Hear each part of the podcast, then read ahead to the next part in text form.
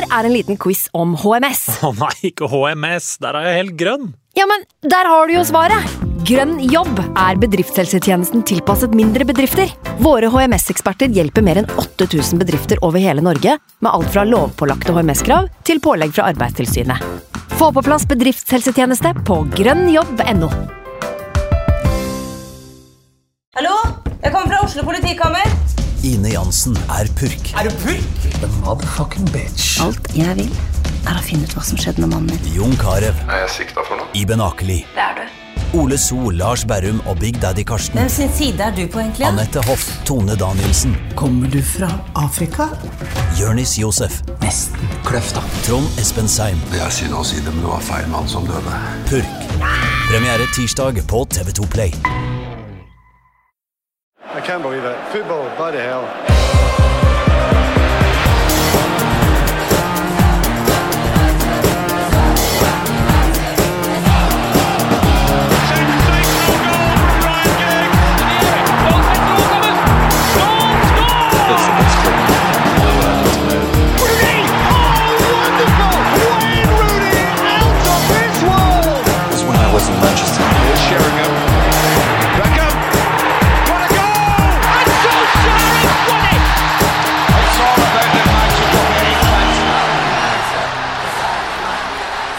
Velkommen skal du være til en ny episode av United We Podcast. Jeg heter Ken Vasenius Nilsen. I dag så har jeg med meg Eivind Brennhovd Holt fra United.no. Hallo, Eivind.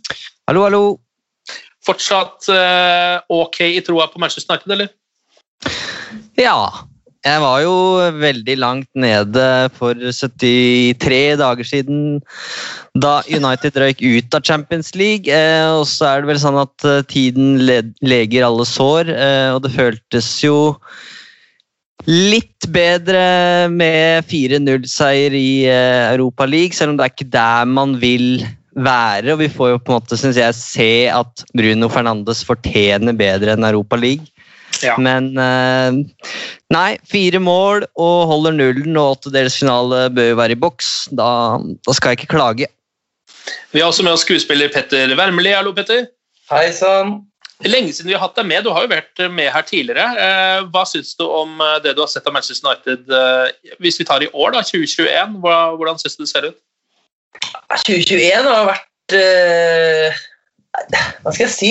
Det er jo litt frustrerende, samtidig som, eh, som man jo kanskje burde, må også liksom ha en litt sånn eh, reality-sjekk og tenke at tross alt så Det å ligge på andreplass uh, Slå ut Liverpool i FA-cupen Det er jo masse positivt å ta med seg. da, Rekorder i borteseier og Det, det er masse glede.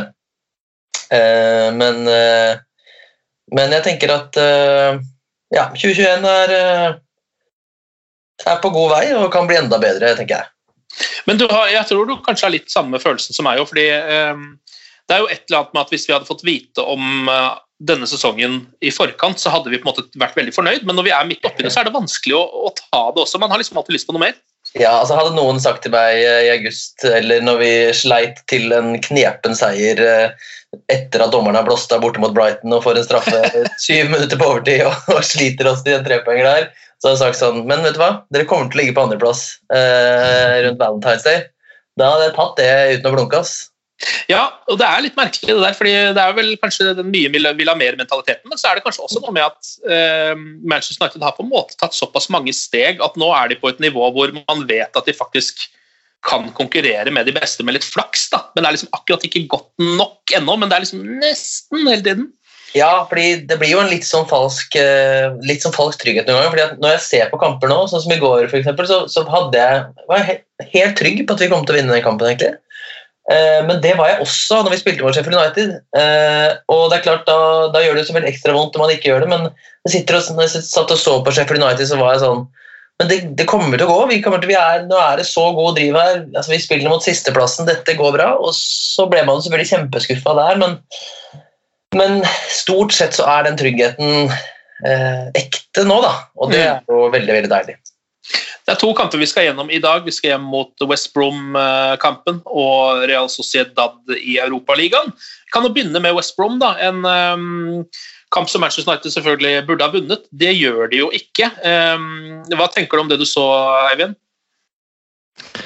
Nei, det der er jo litt sånne seige motstandere som må slukes, liksom, for at man skal ta poenga som, som kreves i et tittelrace. Så hadde United eh, jaga topp fire, da. Eh, hvis dette hadde vært i, eh, i november, liksom, og de hadde vært på etterskudd allerede, så hadde det vært ganske kritisk. Eh, det det betyr er, nå, var jo egentlig bare at det er et tidsspørsmål før book, bookmakerne deler ut uh, City-gullet, liksom. Um, og det er jo ikke noe sånn sensasjon. Vi har snakka mye om det i poden før, at det er lov å være optimist, men sånn realistisk sett så, så er det jo City og, og, tidligere Liverpool som har vært favorittene.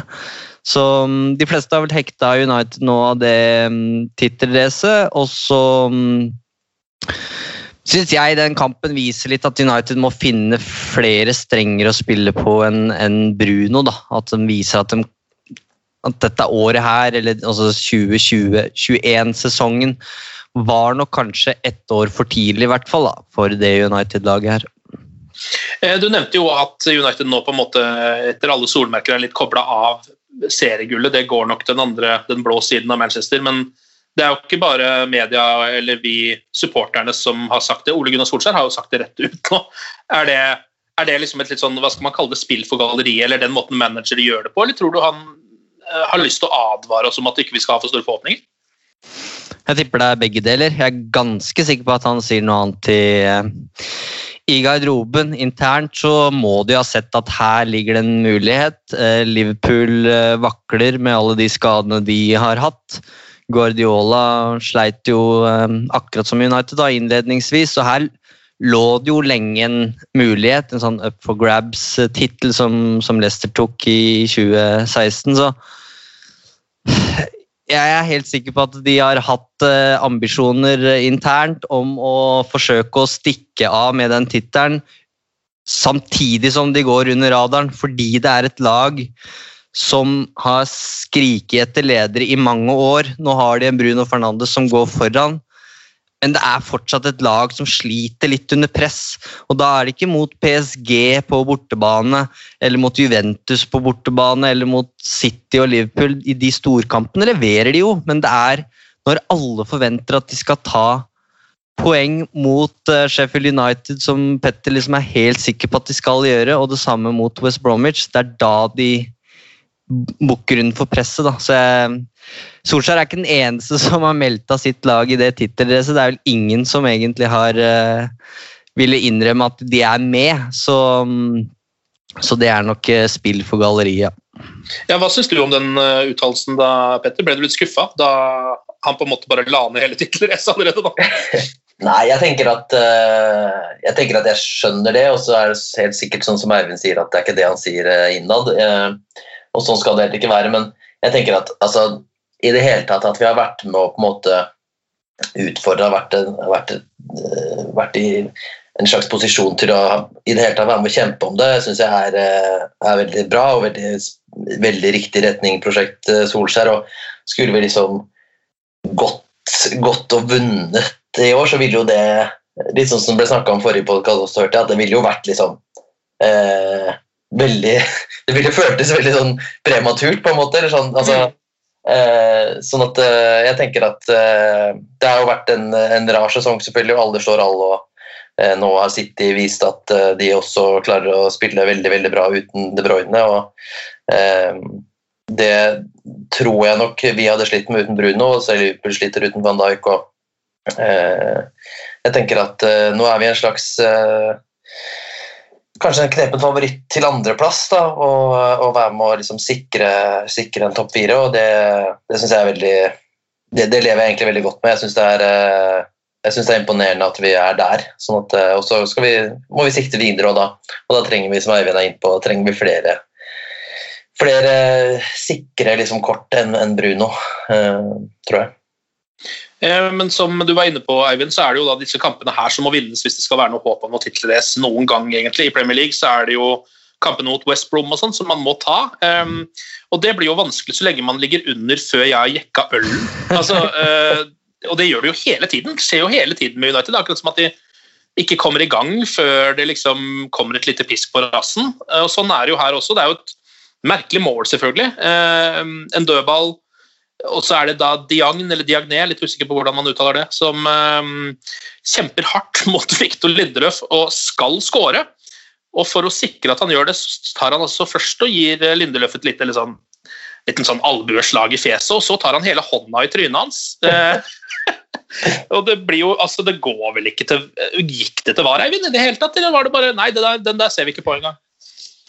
Ja, den gikk vel til VAR. Um, hvis jeg ikke tar uh, feil. Det er, det så mye kamper at det går i surr. Men uh, det, jo, det var jo en periode var det et godt tegn da United slapp inn det første målet, fordi du visste at ok, da nå skrur de på, og så, og så blir det tre poeng.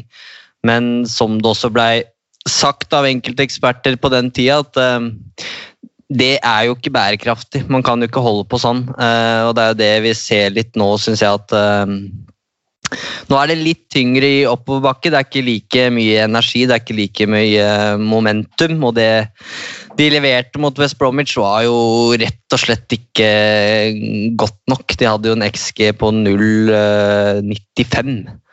Mm. Um, mot det laget som har sluppet inn flest mål i, i Premier League. Så det, jeg syns det er veldig enkelt å bare Vi kan snakke om at Lindeløf um, blir blinda der av uh, Diagne, men, uh, men, alt i alt så, så syns jeg det er veldig enkelt å bare sette to streker under svaret og si at det, det var rett og slett ikke bra nok. Ja, Nei, det, altså, det, har, det, har, du også helt rett i, men det er jo et soleklart frispark. Så det, ja, målet skulle jo aldri ha stått. Det må, jo, det må, jo, det må man bare si. Ja, bare for å understreke det, altså, Da snakker vi om de 90 minuttene. Det holdt rett og slett ikke. Akkurat i den situasjonen så syns jeg det er vanskelig å klandre Lindeløf, men uh, prestasjonsmessig så burde de ha klart å vinne den kampen, selv om de slapp inn et mål i, i det andre minutt. Mm. Men det måtte vel skje en gang, eh, Petter. Altså, det var vel ikke sånn at du jubla da vi slapp inn? At det var sånn yes, men dette blir jo sånn som alle de andre kampene. Altså, på et eller annet tidspunkt så klarer du ikke å komme med de comebackene lenger. Nei, absolutt. Jeg, eh, det, er ikke, det, er jo ikke, sånn at jeg eh, setter pris på at, at, det alltid skal være så jævlig vanskelig. Jeg sier jo det hver kamp sånn Går det ikke an? Går det ikke an bare Kan vi ikke få lov til å puste én kamp? Kan ikke jeg få lov til å nyte den ølen den kampen her? Nei da, det skal være helvete hver gang. og nå får man jo tilbake litt troa rett før pause, da, da uh, Luke Shaw uh, nok en gang leverer et glimrende innlegg. Og um, Bruno Fernandes med litt sånn altså Hva slags avslutning er det han ikke mestrer? Det, er litt sånn, det her er litt sånn uh, Shades of Zinedine Zidane i Champions League-finalen. Mm. Volley, liksom. Ja. Med venstre litt på leggen, riktignok, men helt perfekt da. For en spiller, altså. Ja. Um, og da, jeg vet ikke, hva, hva, tenker dere da? Da er det jo uh, pause på 1-1, og da begynner man jo å få tilbake litt den troen på at nei, da blir det vel som, i, som det har vært så mange ganger, da, at de skal snu det på bortebane. Uh, men som du var inne på, Eivind, de skaper jo ikke sånn kjempemye. Nei, og tida går så fort. Altså, det er uh, liksom Til at det ikke skjer noe, så syns jeg den andre omgangen bare forsvant. Og dessverre så sitter jeg med en litt sånn Når vi bikker 75 der, så begynner jeg å lure på hvor mye energi som er igjen da, eh, til å få det målet de eh, trenger. Og jeg syns det det, mangla på en måte noe uh, for at det skulle kunne gå. Solskjær gjør ikke noe særlig grep heller. Han setter inn Greenwood, som jeg syns er mye bedre enn Martial, som virker å være inne i sin verste periode i United så langt. Og så er Donny van de Beek som kommer inn for Fred når det gjenstår ti minutter. Så nei, det, det, var rett og slett ikke dagen. Nei, det var liksom Den sjansen de hadde til å vinne den kampen, eh, kom vel egentlig da uh, Harry Maguire går i bakken der. Um, og vi har et straffespark. Det blir jo også dømt. Men denne gangen så er, jeg tenker var at de skal se litt nøyere på det enn de gjorde da Manchester United slapp inn mål. hva tenker du om den situasjonen der, Petter? Nei, men det, det skjønner ikke helt hva som skjedde der. for Det var, det var ikke det soleklar offside. da. Jeg skjønner ikke hva de, Og hvis det er offside, så trumfer vel det alt opp å si. Altså, jeg, jeg, jeg, skjønte egentlig aldri helt hva som, hvorfor det var noe å vurdere i utgangspunktet. Nei, Det er faktisk sånn at selv om eh, det er offside i den situasjonen, så skal det dømmes straffe. Så hvis VAR hadde ment at her blir Maguire felt, ja. så hadde United fått straffespark. Men uh, den går jo til VAR, og da er det rett og slett at de vurderer at forseelsen er ikke, kvalifiserer ikke til uh, straffespark. Det Nei, og det- altså. Ja, det, kan, altså det ville vært en litt eh, billig straffe, eh, men han er jo borte på Maguire to, i to forskjellige omganger. Så holder han han, holder han litt først, og så litt etterpå. Så, det, så det er jo, altså her blir det jo ehm, Og det er ikke noe vits å sitte og sutre om sånne ting når man er Manchester United-supporter. Vi skal holde oss, liksom, heve oss over det, men det, men det er jo irriterende. fordi dette her er en sånn type tvilssituasjon hvor Ja. nesten ingen dommere hadde sagt at det er en klar feil av dommeren på banen. Altså Veldig få VAR-dommere som hadde sagt det, tror jeg, at det der er en klar feil. Ja. Det må vi inn og fikse. Hvis ikke Lindeløf når han får et slag i trynet og en hånd i hele fjeset, hvis ikke det er en klar feil. Så ikke sant? Er her, ja, Dommerne kan påvirke så mye, da, og vi vet jo at Premier League-dommerne har jo det altså Det nivået der er jo under noen av de NRK-matchene jeg har spilt, bedriftsmatcher, eh, hvor liksom Dan Børge er dommer og sånn. Så eh, det må jo skje noe eh, på den fronten der snart. Snart så må, må de rett og slett bare bytte ut hele den gamle, feite gjengen som løper rundt etterpå der. For jeg, ja, nå tåler jeg snart ikke mer, altså. Eh, men uansett, et et fortjent eh, poengtap for Manchester United, kanskje. Det er ikke det, altså. Nei, for det er jo liksom det det Selv, selv med en, eh, selv med en Dan Børge-dommer, så på en måte så, så skal vi slå West Brom. Det er på en Ja. måte Mm. Og, og som Eivind også sier, sånn Marcial er inne i en dårlig periode. Rashford er jo også inne i en fryktelig periode. altså det er eh, eh, og er det noe altså de, de må alltid ha en god dag. på en måte. De, det, hvis de i tillegg har en dårlig periode, så, så er det ikke bra. altså. Nei. Um, det er jo der det er litt deilig med Bruno Fernandes, for selv når han har liksom de dårlige periodene sine, så er det gjerne bare liksom to middelste kamper, og så er han tilbake igjen med en sånn verdensklasseprestasjon. Um, så det er jo et annet nivå på mannen, rett og slett. Ja. Men Og det- ehm, ja, ja. Nei, og det, bare for å um, spole litt um, fram mot Sociedad-kampen, Ken, så Tenk alle de problemene som Bruno Fernandes på en måte eh, skygger over, da, eller visker ut. Altså, um, uten han i går, så Eller uten en Bruno i liksom toppform Han har jo hatt noen sånne perioder hvor han ikke har vært like skarp. Gikk jo liksom ja, var det fem ligakamper uten målpoeng, og da begynte liksom noen å hviske litt om ok, var det Har vi sett det beste allerede, liksom? Ehm, men nå er han jo tilbake igjen, og, og en enorm prestasjon mot Real Sociedad. Eh, men Marcus Rashford eh, i den eh, kampen kom jo alene med keeper der tidlig. Eh, misbruker den, får en mulighet på nesten åpent mål eh, og misbruker den. Så får han målet sitt til slutt. United vinner 4-0. Eh, Avansement bør være i boks. Det blir ikke noe det blir ikke noen store overskrifter om Marcus Rashford nå, og det er på en måte riktig. United har gjort jobben som et lag. Men eh, hvis ikke Bruno Fernandes hadde vært der, hvordan hadde det sett ut?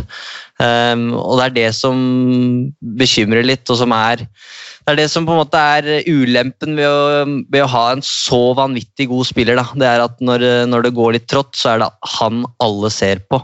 Uh, så lenge han leverer, null problem. Um, men det er andre som må melde seg på her ganske raskt. Da. Ja, det er det ikke noe tvil om. Selv om altså det er, Kanskje det er litt mye fokus på den der Bruno, eller United uten Bruno, hva hadde det vært? Ehm, praten også, fordi alle lag er jo sånn, nesten, da. Altså et PSG ja, uten Neymar er jo greit nok, men uten Mbappé så er det ikke noe igjen. Ehm, Ja, altså Barcelona med Messi i litt dårlig form er ikke bra. Altså Alt det der Sala i Liverpool det, Alle spillere har jo en sånn. Eller alle lag har jo en sånn spiller.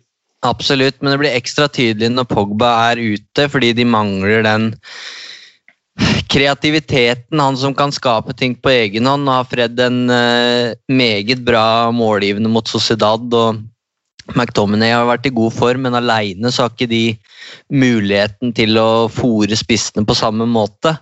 Um, så det blir ekstra tydelig synes jeg, når Pogba er ute. Og så syns jeg på en måte ikke du kan si at verken Rashford, Martial, Greenwood eller Cavani er liksom helt der de skal være akkurat nå. da. Det er det jeg syns er litt snålt, som jeg vel har vært innom før. at Manageren er en tidligere toppskårer som har skåra 126 mål for Manchester United. Hvorfor er det der skoen trykker, liksom? Hvorfor har han ikke funnet den spissen som, som skal bli toppskårer? Det syns jeg er rart. Mm. Det er jo en litt vanskelig oppgave, òg, fordi eh, man får jo en litt sånn eh, Eller altså når man allerede har Antony Marcial der, eh, som, som på en måte det er brukt, brukt mye penger på, man har gitt han ganske mye tid, han har hatt litt utvikling, og så har han stagnert helt. Det er liksom en Jeg vet ikke, Det hadde vært lettere hvis ikke han var der. Hvis det var sånn her trenger vi åpenbart en spiller. Nå er det Mm. litt sånn der, det er litt vanskelig å vite hvor mye man skal investere i det når man allerede har spillere man har investert ganske mye i. på en måte. Ja. Eh, Men eh, hvis vi ser litt på laget mot Real Sociedad, så er det jo en del endringer. Eh, Henderson starter jo i mål fordi han er cupkeeper, og skal vel sikkert stå også det meste i Europaligaen, vil det virke som. Alex Telleseine får ja, sikkert bare for å gi Shaw litt hvile. Daniel James får lov å starte, og han spiller jo faktisk en ganske bra kamp etter hvert. Bailly er tilbake, og så er det, er det Greenwood som er den siste som ikke starta mot West Brom, sikkert. Mm. Ja. Så laget var jo altså om, det, er ikke, det er liksom ikke et ligacuplag, men det er jo ikke Manchester Uniteds beste lag heller. Hva slags signaler tenker du at det gir inn mot Europaligaen?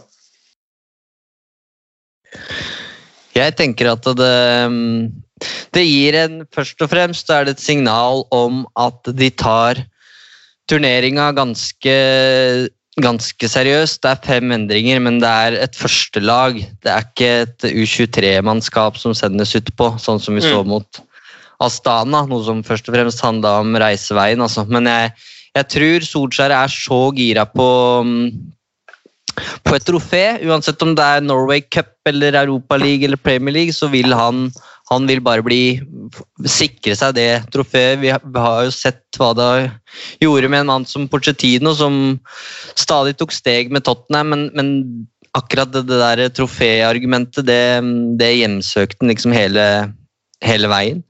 Eh, og så er det jo en jeg vet ikke, Maktdemonstrasjon er kanskje et eh, litt sterkt ord, men det var i hvert fall en maktdemonstrasjon av Bruno Fernandes. Og det å slå Real Sociedad 4-0, et lag som da toppa La Liga mm, under trekninga i, i desember, det, det står det respekt av. Altså. Og det, det viktigste her syns jeg er at nå kan United bruke uka til å forberede seg Ehm, til den bortekampen på Stamford Bridge, uh, som er tre dager etter uh, returoppgjøret. Solskjær kan tillate seg å tenke på Chelsea når de møter Real Sociedad Paul Trafford, og gjøre endringer med det i, i tankene. Um, det starta jo riktignok ganske rotete, litt sånn som det alltid er med Manchester United. Um, Bailly surrer med noe greier her. og så Adnan Janusai er jo da mannen som får den første sjansen i kampen. Um, og jeg får faktisk en liten sånn Nå scorer han fanden meg, tror jeg, eh, når han legger den over mot venstre der. Og køler den jo bare et, eh, en centimeter utafor krysset. Ja. så det var, eh, det var bra den ikke gikk inn, for det hadde vært litt for typisk. Um, og så er det jo i det hele tatt litt sånn heseblesende i starten her, fordi Rashford er plutselig gjennom rett etterpå. Bommer, som du var innom, Eivind. Um, og så driver Bailly og surrer litt igjen, og så er Alexander Isak plutselig gjennom. Henderson gjør en ok redning. Så det er jo en helt sånn heseblesende start på en fotballkamp, og nesten litt sånn at man blir litt redd eh, som United-supporter. Ja, absolutt. Det, var, det kunne fort gått en helt annen vei, men eh, jeg må si at eh, sånn, i utgangspunktet også var jeg veldig veldig forberedt på en, en veldig tøff match. altså Vi møter et, eh, et bra lag, og, og med trekninga allerede så var det jo litt sånn da, herregud, nå er vi uheldige med trekninga igjen. og Mm. Nå ryker vi kanskje ut av dette også med en gang, og da tenker man sånn, ja, ok, hvis vi først skal ryke ut, så er det like greit å bli ferdig med det, på en måte, men, men, eh, men når det først skjer det som skjer, og eh, når man er totalt innstilt på at dette blir knalltøft, så, så er det jo en kjempefest da, å se hvordan vi valser over eh, Sociedad. og jeg er ikke, ikke bare forberedt på en, en tøff match, men også forberedt på the revenge of Adnan Janusai, eh, Ja. men, eh, som selvfølgelig hadde vært, eh, hadde vært eh, tungt. Men, eh, men eh, ja, nei, vi, vi, vi står jo fram som bare det. Og, og Danny James synes jeg har en veldig bra match, og han er jo liksom så utrolig godgutt, så det er moro å se. Og, og Fred og jeg tenkte også med Når Pogba ble skada, så er det også godt å kjenne på at liksom, det, dette skal vi også klare, liksom. At vi Mm. har, vi har McTominay og Fred som, som gjør en kjempesesong, og, og, og med Bruno på en måte at vi, vi klarer å få, få det til å gå rundt også uten Pogba. Da. Det, er, det er litt godt å kjenne på. Så må jeg si det er all honnør til, til Solskjær. da, som sagt Det handler om Bruno Fernandes, nå har vi for så vidt ikke hylla han her i poden ennå. Vi kommer kanskje til det, men, men ehm, den kampplanen som Solskjær legger opp til, den er jo eh, like genial som den er enkel, egentlig. Altså, Sociedad har 60% av ballen og står høyt med Forsvaret. Og United bruker den samme oppskrifta til å komme seg til sjanser gang på gang. Og det Mm. handler mye om, eh, om bakromstrusselen fra Greenwood og da Daniel James, som mange selvfølgelig sukker eh, over når de ser han i lagoppstillinga, men scoring og, og målgivende, eh, og er en lojal fyr som gjør jobben da, når han uh, blir kalt opp. Så mm, ja, perfekt gjennomført da, fra Solskjær. Strever jo litt med å få målet i starten, for United har ganske mye sjanser før de skårer. Eh, En dobbeltsjanse etter 18 minutter. Bruno spiller gjennom Rashford, som jo bommer, da. eh, Som han gjør litt for ofte. Eh, Bruno får returen på hodet. Den blir redda på streken. Mm. Og så ser det liksom ut som det skal bli en litt sånn kamp at man har misbrukt såpass mange sjanser at nå sitter det neste Sociedad-skuddet, liksom. Som er en sånn følelse man fort kan få som supporter. Men det skjer ikke, fordi eh, etter 26 minutter så slår da Det er på en måte rollene litt snudd, og det er Rashford som slår den lange i bakrom på Bruno Fernandes. Um, og det synes jeg her synes jeg han er litt smart, fordi Bruno ser bare på ballen, mens de to midtstopperne får jo full panikk og kolliderer med hverandre. Og så kan han bare rulle ballen i mål. Det er nesten litt sånn goalgetter-smartness fra Bruno Fernandes. Ja, det er jo en Monty Python-sketsj fra Sociedad, men, eh, men eh, det skal Rashford ha. da. Det er en strålende assist, og så er Bruno eh, kald i huet. Men, eh, men frustrerende selvfølgelig med Rashford, da, som, som for meg er en så å si komplett spiller, bortsett fra de siste 10 da, som heter å, å være en klinisk målskårer alltid. Så det det må Solskjær rett og slett gjøre noe med. Ta med seg både Tony og Rash og hele gjengen egentlig, av de som skal skåre måla. Og, og ta et par uker på Norefjell eller hvor det må være. så bare øve på å skyte ballen i goal. Ja, og det er jo litt sånn med Marcus Rashford, Han er jo ikke en typisk goalgetter, fordi han skårer jo nesten bare sånn vanskelige mål. Det virker som han syns det er vrient når han skal liksom bare putte ballen i mål, sånn som når han fikk ballen fra Bruno eh, på blank her. og da er det jo sånn der tror jeg det er liksom, der, Da sitter jo eh, folk i studio og bare liksom sånn Herre jemini, du må jo bare løfte ballen, fordi det er jo klassisk sånn Enhver spiss Ja. ville ha skåret på bare ved ren hva skal man si da, bare på refleks, liksom. Eh, og der mangler Rashford masse. Jeg vet ikke helt hvordan man lærer seg det, for det virker som noe som sitter mer i hodet enn i foten. da.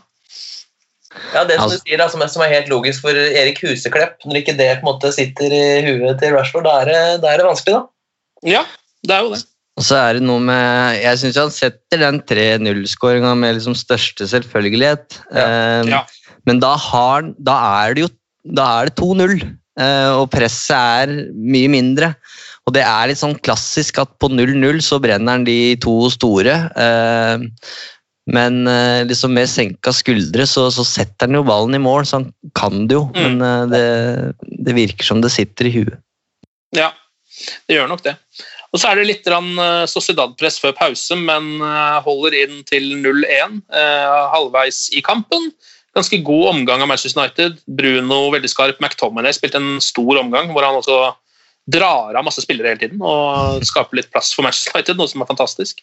Ja. Um, og så andre omgang, da. Um, det tar ikke så lang tid før United skårer der. en 11-12 minutter ute i andre omgang så um, skårer Bruno Fernandes etter et, uh, en slags veggspill med James. Han hopper over ballen, får tilbake ballen på det jeg tror er James sin første touch, men det betyr jo ikke så veldig mye. Um, Bruno setter ballen i mål. Eh, det blir eh, annullert for offside. Viser seg at det er helt feil, og den står, og det er 2-0 i Torino. Så eh, der var det liksom litt sånn Da, da følte jeg at United hadde fått ganske god uttelling i den kampen og var ganske sikker på at det der skulle flyte den rette veien, egentlig. Ja, I andre omgang er det jo en magnet til det Sociedad-målet.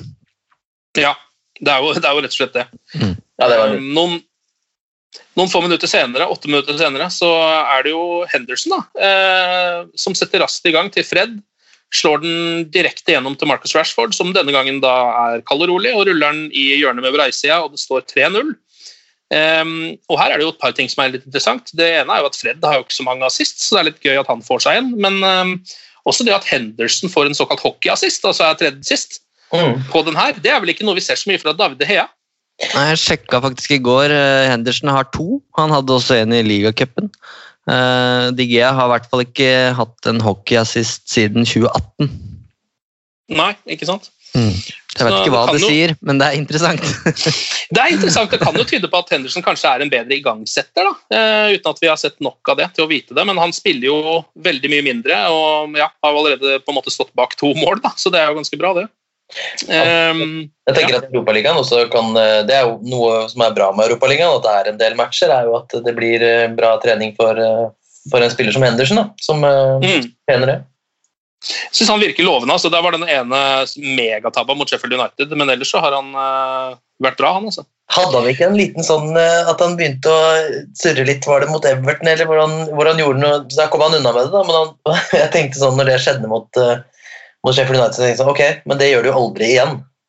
Eh, og, så og så gjorde han det en gang til, var det mot dem? jeg husker ikke helt, men da klarte han det. Men da tenkte jeg sånn, det der altså, det må du med. Ja, herregud, altså. Um, og så skårer jo altså uh, Daniel James etter 67 minutter, men det ble offside fordi Greenwood, som han får ballen av, um, står i offside, og den avgjørelsen blir stående også. Men han eh, får jo sjansen en uh, litt senere også. Uh, godeste James eh, rykker inn fra høyrekanten, setter den i lengste. Veldig deilig. Eh, og ja, Manchester United er eh, oppe i 4-0 der. da. Nå har jeg jo kanskje glemt et mål inni her òg, eller hvordan var det der? Nei da. Nei da, jeg har ikke det. Deilig å se hvordan James bare parkerer bokstavelig talt eh, den bekken der og, og setter fire. Det var, eh, det var deilig.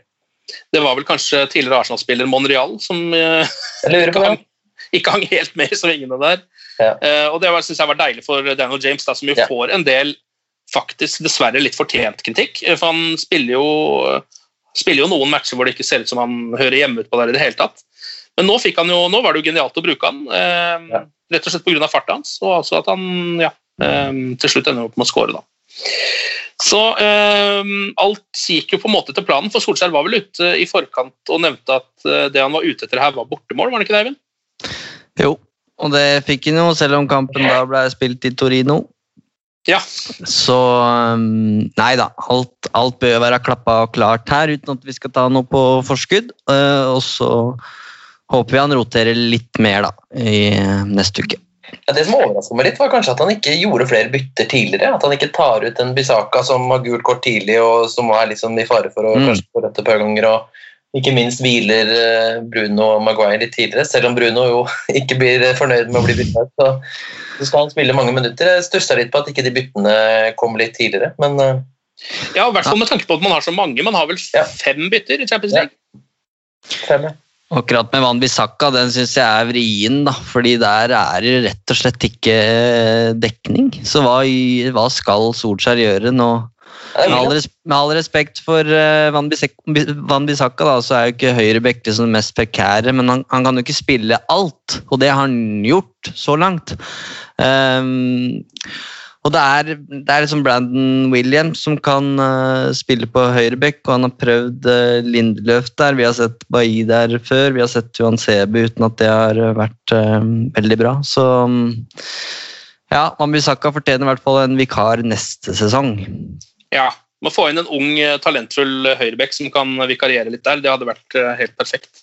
Eh, apropos eh, ung eh, United-spiller, så kom jo Amad Diallo inn. Fikk eh, sin debut for Manchester United med nummer 19 og Ahmad på ryggen. Eh, kom inn sammen med Mata etter 82 minutter. Så vel ikke så mye av Eivind. Han prøvde seg på en litt fancy finte. Første gang han hadde ballen der som ikke satt helt. Ja, det var litt strøm i skoa, så det var på en måte ikke helt det vi kanskje hadde drømt om. da. Eh, Når du kommer inn på 3-0, så er, bør jo arbeidsforholdene være gode, men eh, jeg tror ikke vi skal konkludere altfor mye eh, ut ifra det. Jeg så på BT Sport, så fikk Hargreaves spørsmål på direkten om eh, Diallo kan være eh, et alternativ til Jaden Sancho, men de ti minuttene der det er litt vanskelig å, å trekke noe ut ifra de. Han har vært imponerende på U23-nivå, men uh, vi må se litt mer an på førstelaget. Uh, og da er han vel nå høyaktuell for en, uh, for en startplass neste torsdag, tenker jeg. Ja, Jaden Sancho spilte jo en uh, terningkast ni-kamp i Champions League uh, noen dager, en eller to dager før, så å sammenligne de to tror jeg foreløpig er litt, litt vel tidlig, altså. Men det var gøy å Um, se han uansett om det ble kort, og gøy å se at han, uh, han har jo et formidabelt rykk. og den der lille finessen han prøvde seg på der, det gikk jo ikke, men det er flere som har eh, hatt debutkamper og prøvd seg på finesser som ikke kanskje funka med en gang, men eh, som viste seg å bli stor suksess senere. Ja, ja. Nå- Uten å nevne navn. Jeg kan gjøre det. Ronaldo mot Ja. Bolton. Mot Bolten, ja. Absolutt. Eh, Men hva tenker dere da om Uniteds sjanser i Europaligaen? Det er, de fleste sier vel at United er favoritter til å vinne hele greiene?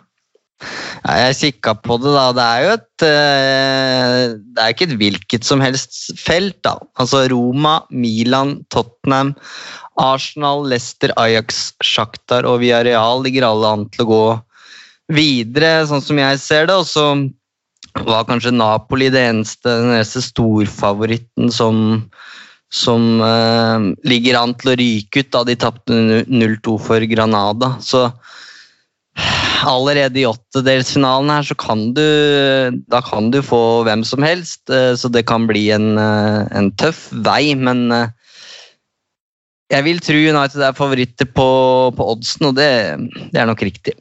Ja, det er nok det. Hvis de spiller med I hvert fall hvis de har et Eller satser decent på Europaligaen, så burde det jo bli en semifinale-finale på det laget der, altså. Eh, Nå, bare for å skyte inn, nå hadde jo Rangers en ganske syk eh, match i går, vant 4-3 og kan gå videre. og det, Akkurat det hadde jo vært et kult, eh, et kult oppgjør. da, Solskjær mot Gerard Gerrard United mot eh, Rangers. ah, en litt heldig trekning for en gangs skyld. Ja. Eller Molde, da. Som jo Eller Molde, ja. Å, hvis Molde går videre, og tenk deg det, det hadde vært helt oh. fantastisk. Eller, han- det er sånn som nesten hadde vært litt synd, for hvis vi skal møte Molde eh, i Molde, så burde det jo vært sånn at man kunne dratt dit og sett på Manchester United, og det kan man jo ikke akkurat nå. Um, ellers så um, er det jo da Newcastle uh, som skal uh, gjeste Old Trafford på søndag kveld. Um, og da stemmer ikke det, Eivind, at da kommer Roy Keane i studio hos TV 2? Ja, det vil si han skal sitte på Hotell Football, men han hentes inn via en skjerm, da. Så eh, Jan Henrik Børsli skal uh, intervjue Roy Keane, eller han skal være ekspert i forbindelse med matchen, og så blir det noen seerspørsmål, og de utvider sendinga litt. Så det er all grunn til å benke seg ned og se på TV 2, da. Ja, absolutt. Når eh, eks-United-kaptein og nå eh, kanskje den sinteste eksperten eh, i hele fotballverden skal sette seg til å gi sin dom over United sine spillere. Det kan bli ålreit, det. Altså. og, og nybakt Instagram uh, Instagram-stjerne, da. Oh yes. oh, ja, han har, kom, han har kommet seg dit, ja. Ja da. Jeg så en helt nydelig video hvor eh, Micah Richards, som jo sitter i studio sammen med eh, Keane innimellom, viser Keane en video hvor folk har skåret mål med Roy Keane i Fifa og feirer med sånn sambadans og sånn. Ja, ja. Og det var, var så kostelig, det trynet til Roy Keane, for han, bare han, han, han, han tar det ikke til seg engang. Han ser at det skjer, han gidder ikke hverken å bli sur eller noe annet. Han bare flikker blikket til side, ferdig med det greiene der. Ja. Um, ok, men hva tror dere om Newcastle, da? Um, hvilke sjanser levner dere Manchester United eh, på Old Trafford? Det har jo vært litt ymse der. Ja, ikke bare den sesongen her, men sånn generelt i det siste. Ja, det burde i hvert fall være gode muligheter for å toppe laget, fordi vi vet at vi burde få en pause i midtuka der. eh, Veldig mange burde få det, i hvert fall, hjemme mot uh, Sociedad. Sånn at, uh, og noen fikk jo hvilt seg litt nå også, kanskje. Vet ikke hvordan det står til med Cavani og sånne, men, men jeg tenker at Newcastle er jo et lag vi skal slå hjemme, så jeg håper bare at vi skrur på det som skrus på kan, og, og gjør den jobben, rett og slett. Det er jo litt sånn jobbekamp. Newcastle er jo litt sånn eh, det er mye sånn drittspillere med Shelby og Så lenge det ikke starter med Longstaff-brødrene på midten, så burde det vel bli, være muligheter for poeng. For det er jo ikke bra når de spiller mot United. Nei. Eh, hvordan er skadesituasjonen, Eivind? Har du oversikt over det? Eh, McDominay gikk av med en eh, smell eh, mot Sociedad og regnes vel som usikker. Eh, som Petter var innom, så mm, var jo ikke Kavani med mot Sociedad. Det var heller ikke van de Beek. Eh, så de er også usikre per nå, selv om vi venter på ny oppdatering før, eh, før kampen. da. Paul Pogba er eh, ute, i hvert fall ut eh, februar, ifølge Mm. Solskjær. Så det betyr jo 11 da, eller ti dager cirka når vi sitter her. Så er det Phil Jones, da. Ja. Han er fortsatt skada, eller? Fortsatt uh, skada, og um, ja, stakkars mann. det er så trist. Altså, han, eh, ikke bare er han liksom ikke i noen tropper engang, sånn at han faktisk ikke offisielt kan spille kamper for Manchester United, men han er også skada. Skulle bare mangle om han ikke også hadde en, eh, en 30-kampers suspensjon oppå dette. Sånn at han trippelt ikke kan spille, eh, den mannen der. Um, Ellers så må vi ja. bare, Ken, før vi eh, runder av etter hvert, så syns jeg Erling Braut Haaland må på en måte nevnes, selv om det ikke er noen konkrete rykter rundt Manchester United der, så veit vi at de at de følger med, eh, og jeg tenker at nå er det det mm, løp eller det race som Erling Braut Haaland det er i gang. eh, og Jeg tipper jo det blir, det vil skje ting i, i sommer, at noen i hvert fall vil prøve seg. Det snakkes jo om den utkjøpsklausulen på 75 millioner euro som da eh, aktiveres, eh, altså ikke nå, men sommeren 2022.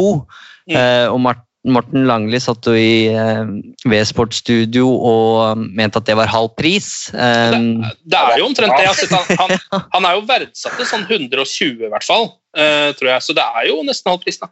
Den er i hvert fall for lav, så jeg vil jo tro at noen prøver seg i, i sommer, og da, da kan det fort bli en uh, budrunde. Og håpet må jo være at United uh, er med der. Eh, og da, altså Uansett om Erling Braut Haaland hadde vært norsk eller finsk eller engelsk, spansk eller fransk, det spiller ingen rolle. Altså han, hele fyren bare fascinerer og er jo en spiss som alle klubber i verden, i hvert fall akkurat her og nå, kan trenge.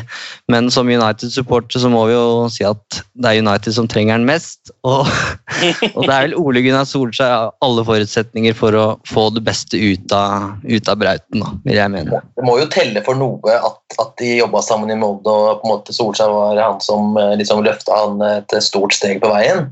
Jeg tenker sånn, og Selv om eh, far Alfie spilte i City, så, så, så vet jeg ikke helt liksom, hvor, hvor, hvor, hvor nær er egentlig Alf Inge til, til City nå, liksom? Jeg vet ikke, men jeg vet jo at eh, Brauten sitt favorittlag er vel Leeds. Mm. Eh, og det er jo også en rival av Manchester United, så jeg tror det er ja, han, Han eh, til Leeds. han kommer jo Hæ? Han går jo ikke til Nei, nei ikke, om han går, ikke at han går til Leeds, men at Nei. det kan bety at han faktisk da ikke går til United. Ja. Ja. Jeg, jeg tror ikke sånn eh, Jeg kjenner ikke veldig mange fotball, eh, eller globale fotballstjerner, i hvert fall personer, men jeg tror ikke det har noe å si. Jeg tror det handler om uh, hvor de uh, føler er best for karrieren deres at de spiller fotball, og så er det selvfølgelig et økonomisk uh, aspekt her. Eh, men United skal jo nå kunne konkurrere på begge de to områdene. Eh, mener jeg da, for det å komme til Manchester United nå, da da kommer du eh, United er fortsatt en av verdens største klubber, og du kommer også til et prosjekt som på en måte er framoverretta. da. Det er ikke gamle stjerner og, og gamle mm, storhet, på en måte. Det er et prosjekt som, eh, som jeg tror unge spillere har lyst til å være en, en del av. Ja. Eh, Så får vi se hvordan det, det ender. Men det har vært en ganske syk uke, da, som på mange måter, måter har symbolisert det der maktskiftet som vi, eh, som vi har i vente med Ronaldo og Messi som begynner å bli gamle. Ja, eh, Det eneste som gjør at jeg må hive litt malurt i begeret, er at jeg frykter dessverre at Manchester United hadde vært stoppestedet eh, Altså det første store stoppestedet, altså det som Dortmund ble. Ja. Jeg tror han rett og slett er for, dessverre for stor til å gå til Manchester United nå, med mindre han har veldig, veldig lyst selv. Eh, hvis ikke Manchester United på en måte er sånn Hvis det hadde vært en av favorittklubbene hans, så føler jeg, jeg tror det har litt å si i sånne tilfeller, for da tror jeg han hadde hatt den tanken at nå kan vi løfte United tilbake til gammel storhet. Jeg får spille fast, selvfølgelig, men det får jeg også i Real Madrid. liksom. Eh, eller i Bayern München. altså Det er jo ikke en klubb den mannen ikke går rett inn på laget. Det må jo også være noe, hvis, hvis det klarer å liksom spille på noe i han som heter 'Vil du være han som løfter United?' liksom, altså Mm. Uh, Uavhengig om, om, det er, eh, om det det er favorittklubben din, så er jo det en enorm standing i liksom, fotballhistorien å være den som, som uh, går inn og på en måte Selvfølgelig, nå har Bruno gjort mye av den jobben, men, men enn så lenge så er det jo ikke liksom, de store titlene. Men hvis du er den spilleren som er med og liksom gjør det, så er jo det helt enormt. Så hvis man klarer Ja. å spille på liksom de strengene i liksom det, det store fotballbildet, så tenker jeg at uh, det er en god mulighet. da. Oh, det er spennende tider hvis det hadde skjedd. Altså, det, hadde, det, hadde, at det hadde vært for sjukt. Um, vi må straks begynne å runde av. Vi kan si fra om at uh, neste uke så er vi tilbake, sannsynligvis i studio igjen. Eh, så får vi bare takke alle for at dere har blitt med oss gjennom denne perioden her med litt mindre enn optimale forhold. Men um, før vi gir oss, har vi en liten godbit på slutten her. For Petter, uh, du har jo uh, laget en uh, ny versjon av en United-klassiker. Av en låt, da.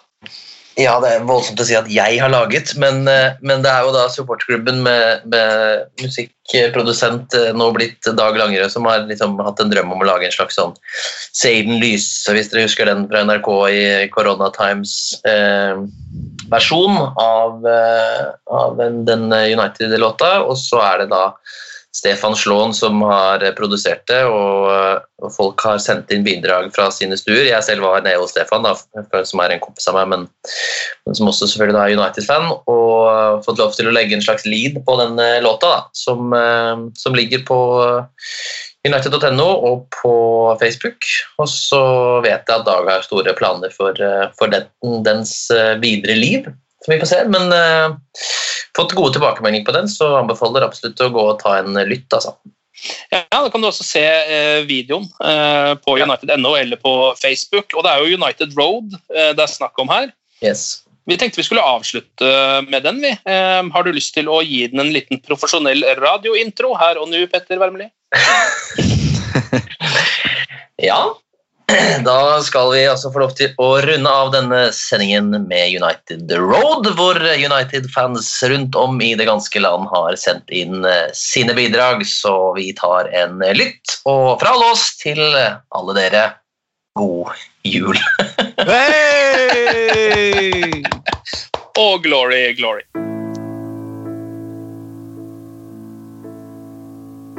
I was born to be united. Daddy told me when I was just a baby. When I was five, I went down to a weak road. Now I am addicted to the only place I go. Take me home, united home, to the place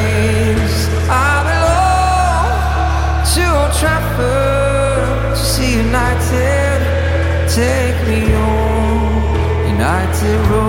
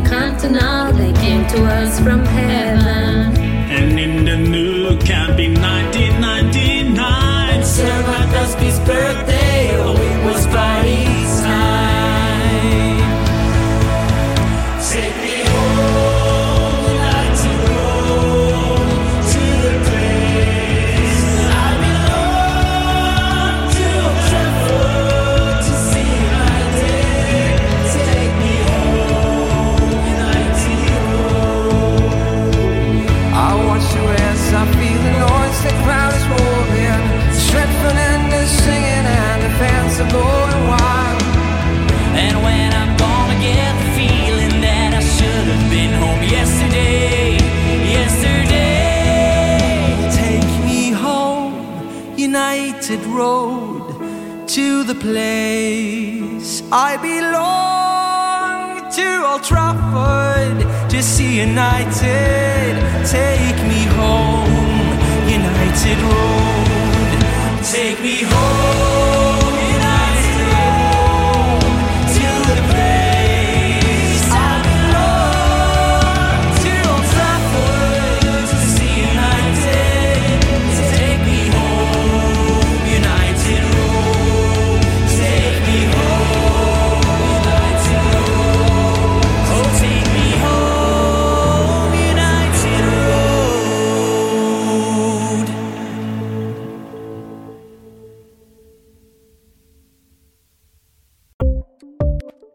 Annonsør det er matkasseleverandøren Hello Fresh.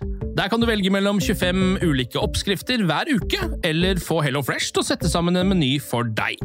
Jeg sparer tid på å handle, oppskriftene er veldig enkle å lage, og så får jeg akkurat det jeg trenger da, til hver eneste rett, så jeg slipper å kaste så mye mat som jeg vanligvis gjør. Det er også litt deilig å faktisk slippe å gå på butikken, ikke bare fordi det er tidkrevende, og sånn, men fordi man ender opp med å kjøpe så mye greier som man egentlig ikke trenger, sånn som fire poser eh, Smash og en kick med havsalt, eksempel. Det er ikke det du egentlig er der for, du er der for å kjøpe, kjøpe middag.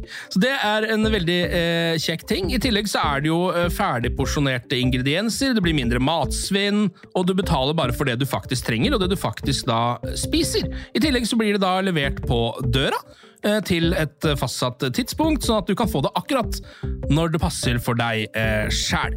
Hvis Hello Fresh høres ut som noe for deg, så har jeg en rabattkode du kan bruke også. Gå inn på hellofresh.no og bruk koden HelloUnited24. HelloUnited i ett ord, også 24, og få opptil 1779 kroner i rabatt på de fem første matkassene dine hvis du ikke har prøvd Hello Fresh ennå. Du kan også bruke koden hvis du tidligere har vært kunde, men har stoppa abonnementet ditt for tolv måneder siden eller mer. Det er ingen bindingstid, og du kan pause eller avslutte abonnementet ditt akkurat når du selv måtte ønske. Husk koden HelloUnited24, og bon appétit! Ukens annonsør er Folio, en smartere banktjeneste for deg som har en egen bedrift eller ønsker å starte for deg selv. Folio er en superenkel nettbank for bedrifter. Som kunde i Folio får du en bedriftskonto med et bedriftskort og app. I denne appen er det smarte løsninger som forenkler regnskapet ditt, uansett om du har en liten bedrift eller et enkeltpersonsforetak. Folio er både intuitivt og brukervennlig, og er laget med et enkelt språk. I tillegg tilbyr de forutsigbare priser og ingen skjulte gebyrer. Skulle du likevel trenge det, så kan du snakke med deres raske og hyggelige kundeservice, og der får du prate med en faktisk person og ikke en chatbot. Folio er med andre ord både enklere og koseligere enn banken. Over 10 000 bedrifter har allerede valgt Folio som sin banktjeneste, så besøk folio.no og se hvordan Folio kan forenkle din hverdag også. Har du et enkeltpersonforetak eller en liten bedrift? Da er du sikkert lei av å høre meg snakke om hvor enkelt det er med kvitteringer og bilag i fiken, så vi gir oss her, vi. Fordi vi liker enkelt. Fiken superenkelt regnskap.